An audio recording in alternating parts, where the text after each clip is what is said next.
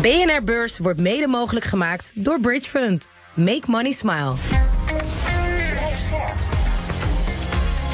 BNR Nieuwsradio. BNR Beurs. Jelle Maasbach. Welkom, je bent erbij en dat is meer dan prima. Donderdag 1 februari, de dag dat ASR afscheid neemt van KNAP. Het verkoopt de bank aan een onbekende Oostenrijkse partij. De Oostenrijkse bank, de BAWAG Groep, betaalt 510 miljoen euro voor de relatief kleine bank met 300.000 klanten. ASR kreeg KNAP vorig jaar in handen door de overname van branchegenoot Egon. De officiële verkoop laat nog even op zich wachten omdat toezichthouders nog akkoord moeten gaan met de overname. Door naar de slotstand van de AX. 822 punten, winst van een half procent. KPN is de grote winnaar. Het krijgt er 3,1 procent bij. Maar de echte winnaars zijn jij en ik, want wij kunnen luisteren naar Stan Westerterp van Bond Capital Partners. Straks hebben we het over ING, de bank die maakte meer winst dan was verwacht. Met uiteraard een blije topman. Een jaar waarin er een hele hoop gebeurde op geopolitiek en, uh, en economisch gebied. En uh, daar hebben we het goed in gedaan. Overigens is ook het aantal klanten is, uh, gestegen met 750.000. En het aantal deposito's is ook het vierde kwartaal toegenomen. Dus de klanten zijn over het algemeen tevreden met wat we bij ING doen. Maar hoe ziet de komende tijd eruit? Dat hoor je zo. Eerst het andere. Dat is de uitspraak van Jerome Powell, baas van de Fed. Voor alle renteverlaging optimisten onder ons. Helaas, Powell zegt dat het nog niet tijd is voor een renteverlaging. If the economy evolves broadly as expected, it will likely be appropriate to begin dialing back policy restraint at some point this year. But the economy has surprised forecasters in many ways since the pandemic, and ongoing progress toward our 2% inflation objective is not assured. The economic outlook is uncertain, and we remain highly attentive to inflation risks. We are prepared to maintain the current target range for the federal funds rate for longer, if appropriate. De economie doet het nog te goed. Inflatiegewaar is niet uh, geweken. Ja, Stan, begrijp je Paul dat hij nog niet aan die renteverlaging uh, wil denken? Paul is natuurlijk een, in die zin een uh, conservatieve centrale bankier gebleken. maar hij heeft natuurlijk in het verleden wel eens een fout gemaakt dat hij, in, dat hij de inflatie transitory heeft genoemd. Ja. Nou, daar moest hij toen van terugkomen. Hè, we weten allemaal in 2022 dat de rentes hard omhoog zijn gegaan. In 2023 relatief rustig. En 2024 zou dan het jaar moeten worden dat de rentes weer gaan dalen. We weten dat het gaat komen en dat bevestigt eigenlijk Powell ook wel. Alleen hij zegt uh, eigenlijk dat maart nog te vroeg zou zijn. Het, uh, het frappante is wel dat de markt het nog niet helemaal met hem eens is. Als je naar de FedWatch eh, tool kijkt, dan zag je eerst wel dat de markt ervan uitging vorige week nog dat 50% zijn. Nou, we krijgen een renteverlaging in maart. Ja. En ondanks de woorden van Powell is daar nog steeds 35%, dus meer dan een derde van de markt, die er nog steeds van uitgaat dat een renteverlaging mogelijk is in maart. En dat heeft te maken met het feit dat we in het verleden natuurlijk al vaker hebben gezien dat als de data ineens zou wijzigen, met name de trend daarvan, um, dat het zomaar kan zijn dat de centrale bank toch gaat draaien. En lees de lage inflatiedata binnenkomt, hè, of de werk, uh, werkgelegenheid afneemt in Amerika, dan zou het zomaar zo kunnen zijn dat, uh, dat we in maart toch, toch alsnog gaan verlagen. En er zit nog wel een tijdje tussen, hè, een kleine twee, twee maanden. Dus er kan nog veel gebeuren in de tussentijd. Ben jij dan team Powell of ben jij meer dat team 35% zo gezegd? Ik ben meer het team dat kijkt naar de marktvoorspelling. Want wat we zien in het verleden is dat de centrale bankiers, die, die die Uh, ja, die zijn altijd wat voorzichtig met het geven van te veel forward guidance, zoals ze dat vroeger ja. nog wat meer deden. Uh, dus die zijn conservatief en dat heeft natuurlijk ook te maken met de geloofwaardigheid van de centrale bank. Maar je ziet in het verleden wel vaak dat de markt het vaker bij het uh, goede eind heeft gehad in plaats van, van, van de centrale bankiers. En dat zagen we natuurlijk de bevestiging daarvan weer bijvoorbeeld in december, toen de markt al lang zei: joh, we gaan in 2024 verlagen.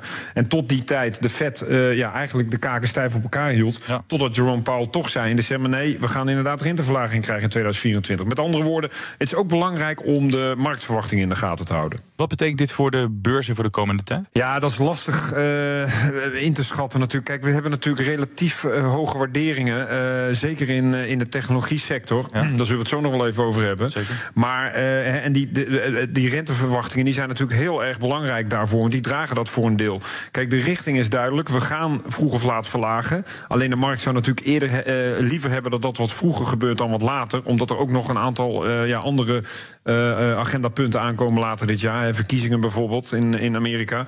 Dus um, de markt was er niet zo heel erg blij mee uh, met de toespraak van Paul. Nou, dat zag je ook wel gisteren aan de uitslagen natuurlijk op de koersen. Dan naar Volvo. Aandeel ging vandaag omhoog. En hoe? 26,4 procent. Volvo trekt de stekker uit Polestar, de maker van elektrische auto's.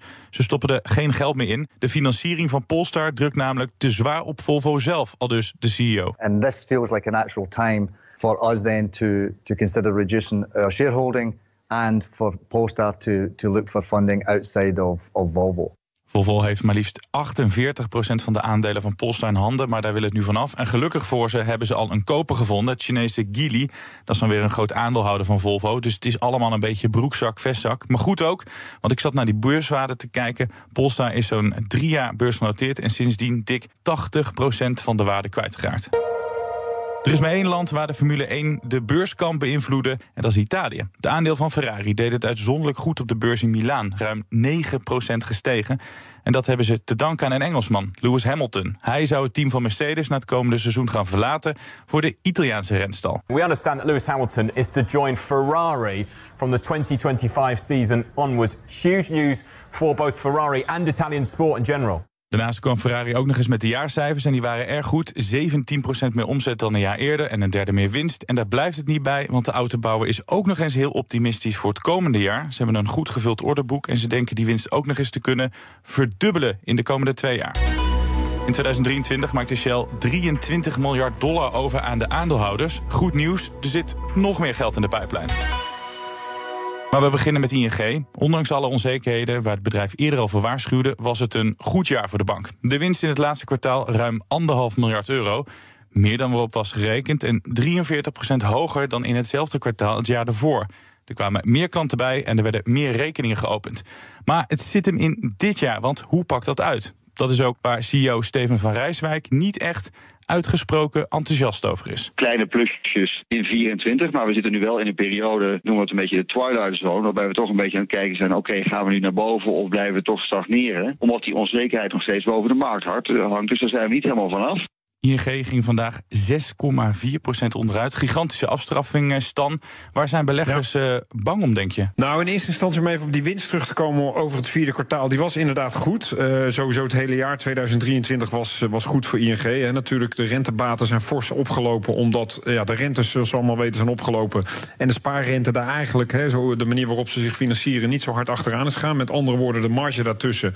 Um, dat is goed voor de banken geweest in 2023. Dus echt een waanzinnig goed jaar voor uh, voor die financials. Mm -hmm. Maar het vierde kwartaal was dan toch wat lichter dan waar analisten rekening mee hadden gehouden. Dat is één punt. En het tweede, en dat ge geeft Van Rijswijk al een beetje aan, is dat de vooruitzichten voor 2024 al erg conservatief zijn. Ze geven aan dat die rentebaten uh, ja, gaan dalen, uh, meer naar historische niveaus.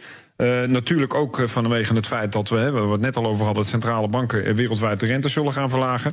Uh, maar dat was toch wel een erg voorzichtige, conservatieve uh, ja, uitspraak en vooruitzicht. Ja, en daar houden beleggers natuurlijk niet zo van. En dat betekent dat ze ja, gaan stemmen met de voeten en dat de koers ja. even een, een, tik krijgt vandaag. En dan zeg jij waarschijnlijk, de belegger heeft altijd gelijk. Maar wat me wel opvalt, je hebt het over die conservatieve outlook. Ik zie dat toch wel bij wat meer bedrijven de afgelopen dagen voorbij komen. Dat de CEO toch niet zo uitgesproken is over 2024. Nee, maar dat, kijk, dat is natuurlijk ook vrij logisch. Hè. We, hier worden ook weer geopolitieke spanningen en onrust op, op de markten aangehaald. Nou, ik, ik heb een verrassing voor alle CEO's. Dat gaat in 2024 niet anders zijn. Maar dat is ook exact de reden waarom zij natuurlijk zeggen: van joh, wij zijn voor, voorzichtig optimistisch. Uh, want er kan natuurlijk altijd van alles zijn dat er, dat er misgaat. Uh, maar nogmaals, je, je, af en toe wil je toch wel graag zien dat uh, de lat wat hoger wordt ja. gelegd, zeg maar, door sommige bedrijven. En dat is wel, wel ja, het probleem hier specifiek bij, bij ING. Dan moet ik wel zeggen dat banken laag gewaardeerd zijn. En dat is historisch altijd wel zo. Maar op dit moment, gezien de winstgevendheid die erachter zit en ook de renumeratie, het uitkeringsbeleid richting, richting aandeelhouders, dat het best interessant is. Alleen het, het is natuurlijk wel heel erg cyclisch. Op het moment dat de economie draait dan hebben banken het altijd als eerste heel erg zwaar. Ja, en dat is wat ook die lage waarderingen vaak uh, verklaart voor, uh, voor dit soort bedrijven. Ja, klanten die klagen om die rente op hun spaargeld. Maar voor de winst van ING is het niet goed hè, als ze die uh, ook nog eens gaan verhogen. Nee, zeker niet. Maar dat zegt ook wel iets over het, over het landschap in Nederland. Hè. Hoe concurrerend dat, dat is. Blijkbaar kunnen de banken het zich veroorloven om lage spaarrentes te bieden. Terwijl dat in Europese landen om ons heen liggen die rentes echt wel wat hoger. Dus hè, er zijn wel mogelijkheden voor Nederlandse spaarders om ook op de buitenlandse Europese uh, markt zeg maar, actief te zijn. En toch hogere spaarrentes te vangen. Dus ja, wat dat betreft, dat heeft natuurlijk ook te maken met, met wet en regelgeving en voldoen aan allerlei eisen van de toezichthouders. Hè, waardoor het niet zo makkelijk is om zomaar even toe te treden tot, uh, tot zo'n markt.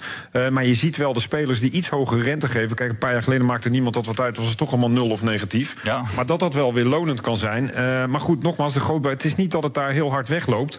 Dus ze hebben ook niet veel reden om die spaarrente zo, zo hard te verhogen. Ja, en dat betekent dus dat ze gewoon 2023 een waanzinnig goede rentemarge hebben gemaakt. Maar nogmaals, die rentemarge zal lager worden op het moment dat centrale banken de rentes gaan verlagen. Stan, zij willen meer inkomsten, minder afhankelijk van die rente. Dus willen ze vermogende klanten bij vermogensbeheer binnenhalen. Is dat een goede strategie? Nou, kijk, traditioneel is een bank moet het met name toch wel hebben van zijn, van zijn krediet- en zijn leningportefeuille, zeg maar. Inderdaad, het, traditionele bankspel. En tuurlijk zijn er aanverwante diensten die zij dan, uh, dan ook aanbieden.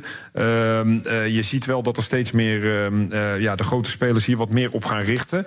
Maar ook die markt is best wel concurrerend. en de marges daarop zijn de laatste jaren wat kleiner geworden. En ook wat ik net al zei, wet en regelgeving, toezicht, het is alleen maar toegenomen. Dus de kosten gaan ook omhoog. Dus het is niet zo dat ze daarmee het verlies, bij wijze van spreken, aan, uh, aan, aan rentebaten gaan goedmaken.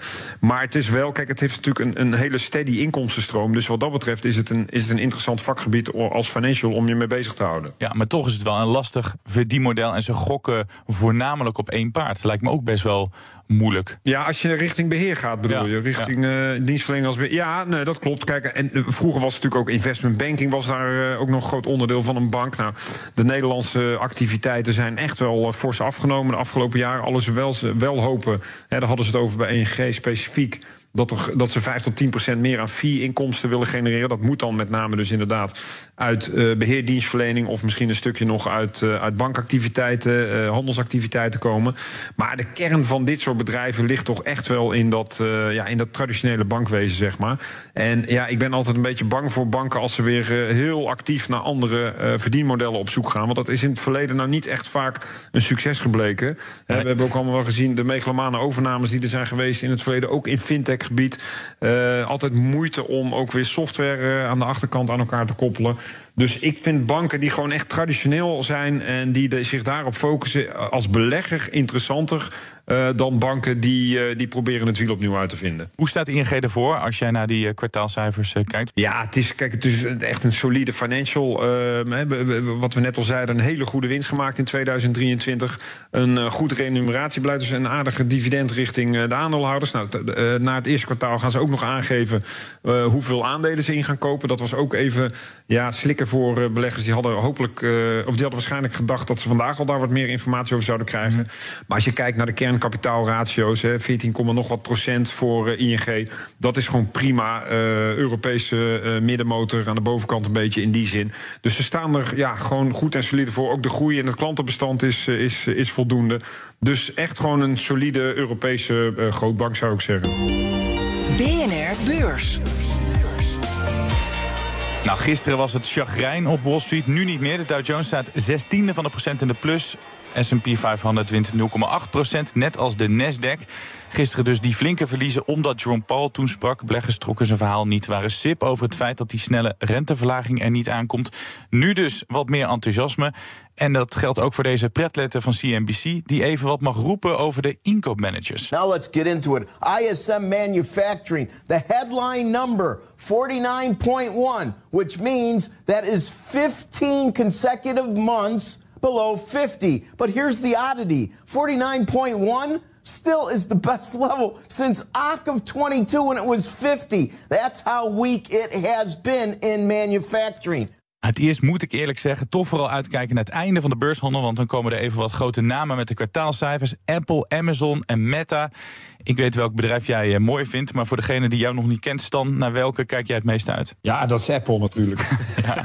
Maar het zijn, kijk, je noemt inderdaad drie van de, van de, van de zeven van de Magnificent Seven. Ja. Dus uh, he, vandaag is een beetje in die zin een rustige dag. Maar deze jongens kunnen het wel maken of breken nog voor, uh, voor of we een leuk of, of een slecht weekend gaan hebben. BNR Beurs. 2022 was een recordjaar voor Shell en 2023 was dat bepaald niet. De winst, iets meer dan 19 miljard dollar, is een ruime halvering ten opzichte van het jaar daarvoor. De olie- en gasreus won minder olie en gas en dat ook nog eens tegen lagere prijzen moeten verkopen. Maar analisten en beleggers die werden toch positief verrast, want de winst in de laatste drie maanden was hoger dan ze dachten. En, zegt de CEO, het dividend kan gewoon omhoog. Our shareholder distributions for the year were over 42% of our CFFO. And today, we increased our dividend by another 4%, taking our total increase over the last 12 months to around 20%. Vorig jaar keerde Shell ondanks alles 23 miljard dollar uit. Hebben ze jou ermee verrast, eh, Stan? Ja en nee. Kijk, uh, heel eerlijk gezegd dat, er, dat er een progressief dividendbeleid wordt gevoerd. Dat is natuurlijk ook gewoon het herstel van wat er in uh, de, de, de, de krater, die zeg maar, of de kater moet ik eigenlijk zeggen, die Ben van Beuren nog in 2020 achterliet. He, toen we natuurlijk in het, uh, in het oog van de coronastorm zaten. Ja. En Shell in al haar wijsheid besloot om het dividend fors te verlagen. Wat sinds de Tweede Wereldoorlog niet meer was gebeurd. Dus dat was echt een schok toen uh, voor beleggers. We weten nog wel dat het aandeel toen onder 10 euro stond. Inmiddels uh, staan we weer richting de 30 euro. Ja, ja en als je dan ziet dat uh, zeker na corona het gebruik van olie en gas in de wereld gewoon weer lekker aan het toenemen is. In ieder geval als je, als je Shell bent. Ja, daar horen ook die winstgevende cijfers bij. Uh, en dan is het ook heel normaal dat je dat dividendbeleid weer, uh, weer gaat optrekken. En ja, er wordt nu net gedaan alsof dat heel uniek is. Maar dat is eigenlijk gewoon uh, het inhalen van de, van de pijn die ze een paar jaar geleden zelf hebben veroorzaakt. Ja, helemaal terecht. Want inderdaad, wat je zegt onder Ben van Beurden was toen in één keer het verhaal: we kunnen minder uitdelen. Hebben ze op dit moment dus ook weer genoeg middelen om zoveel cadeautjes uit te delen? Ja, zeker. Hè. Winstgevendheid, want je zei het zelf al even, vierde kwartaal was erg goed. Mm -hmm. uh, met name de operationele kaststroom, de vrije kaststroom, die was echt wel beter dan analisten hadden, hadden verwacht. Uh, kwam met name voort uit uh, de LNG-handelsactiviteiten. Ook, ook ja. dit kwartaal zie je al dat uh, de, de volumes hoog blijven. de chemische tak deed het goed. Maar eigenlijk zie je dat bij elke business unit van Shell het gewoon crescendo verloopt de laatste jaren weer. En dat, ja, dat ze ruimschoots voldoende ehm, winst maken en rendement genereren om een, een groot deel daarvan weer aan aandeelhouders uit te keren. De afgelopen tijd hoor ik heel veel geklaag over die oliemarkt. Maar toch, als je naar het vierde kwartaal kijkt bij, bij Shell... dat was dus beter dan waarop was gerekend. Staat die oliemarkt er dan toch ook nou, best wel prima nog voor? Ja, dat ligt er een beetje aan. Hè. Kijk, Shell zit natuurlijk in alle facetten van de oliemarkt. Kijk je naar upstream, kijk je naar downstream, uh, ja, kijk je naar de gasmarkt. Hè. De energiemarkt is groter dan alleen uh, uh, ja, een vat olie verkopen, zeg maar. Mm-hmm. Um, maar in al die business units, en dat is wel het mooie daarvan... er zit soms ook een lage correlatie tussen die business units... als je, als je dat zeg maar niet wil, wil hebben.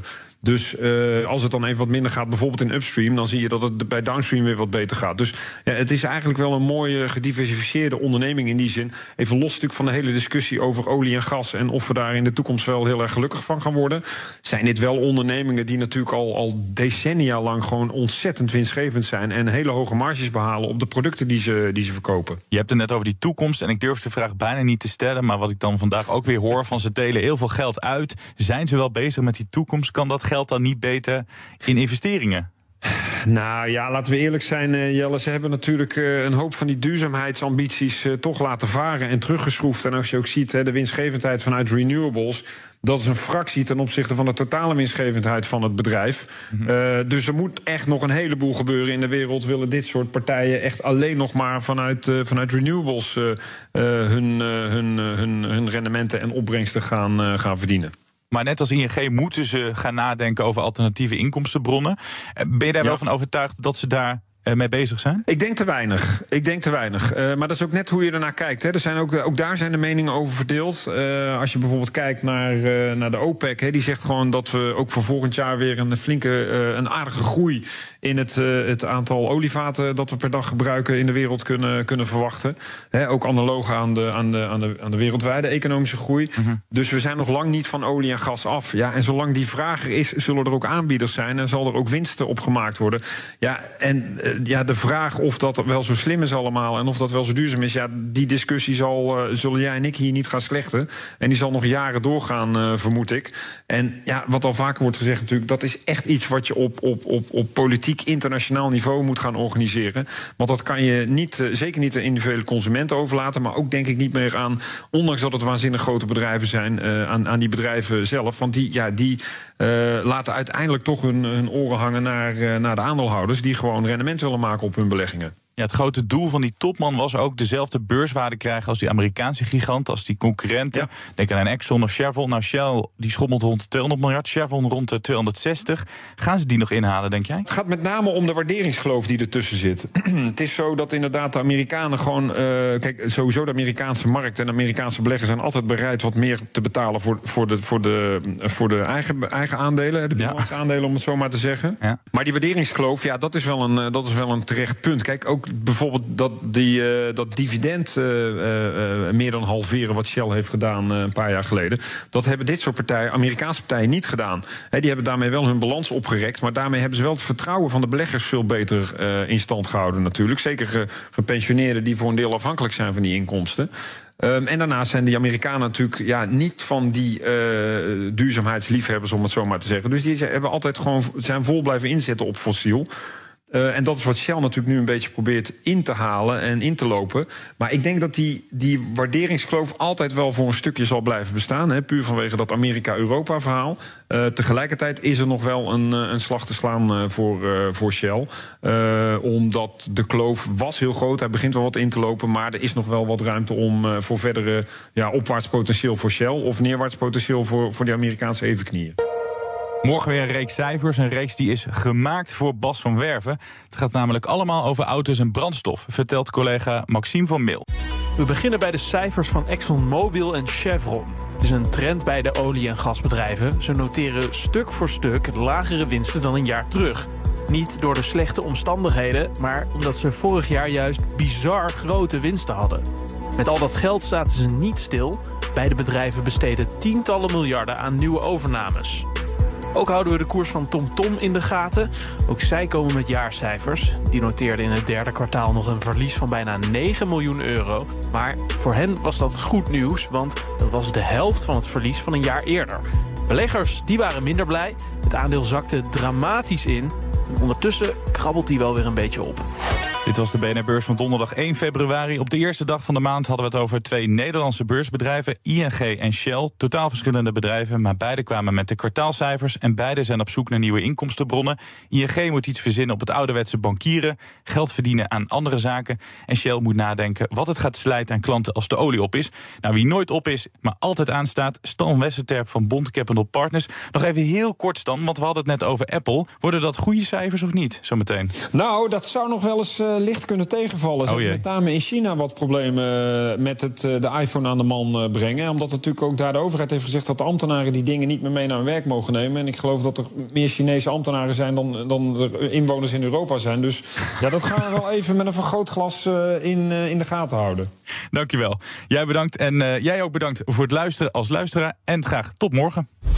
BNR Beurs wordt mede mogelijk gemaakt door Bridge Fund. Make money smile. Bij BNR ben je altijd als eerste op de hoogte van het laatste nieuws. Luister dagelijks live via internet. Jelle Maasbach. Wesley Weert. We zijn er voor je met het leukste, opvallendste, maar natuurlijk ook het belangrijkste nieuws. Tijdens de presentatie van die halfjaarcijfers toen die beurskoers in elkaar kukkelde. BNR Beurs. Voor de slimme belegger. Blijf scherp en mis niets.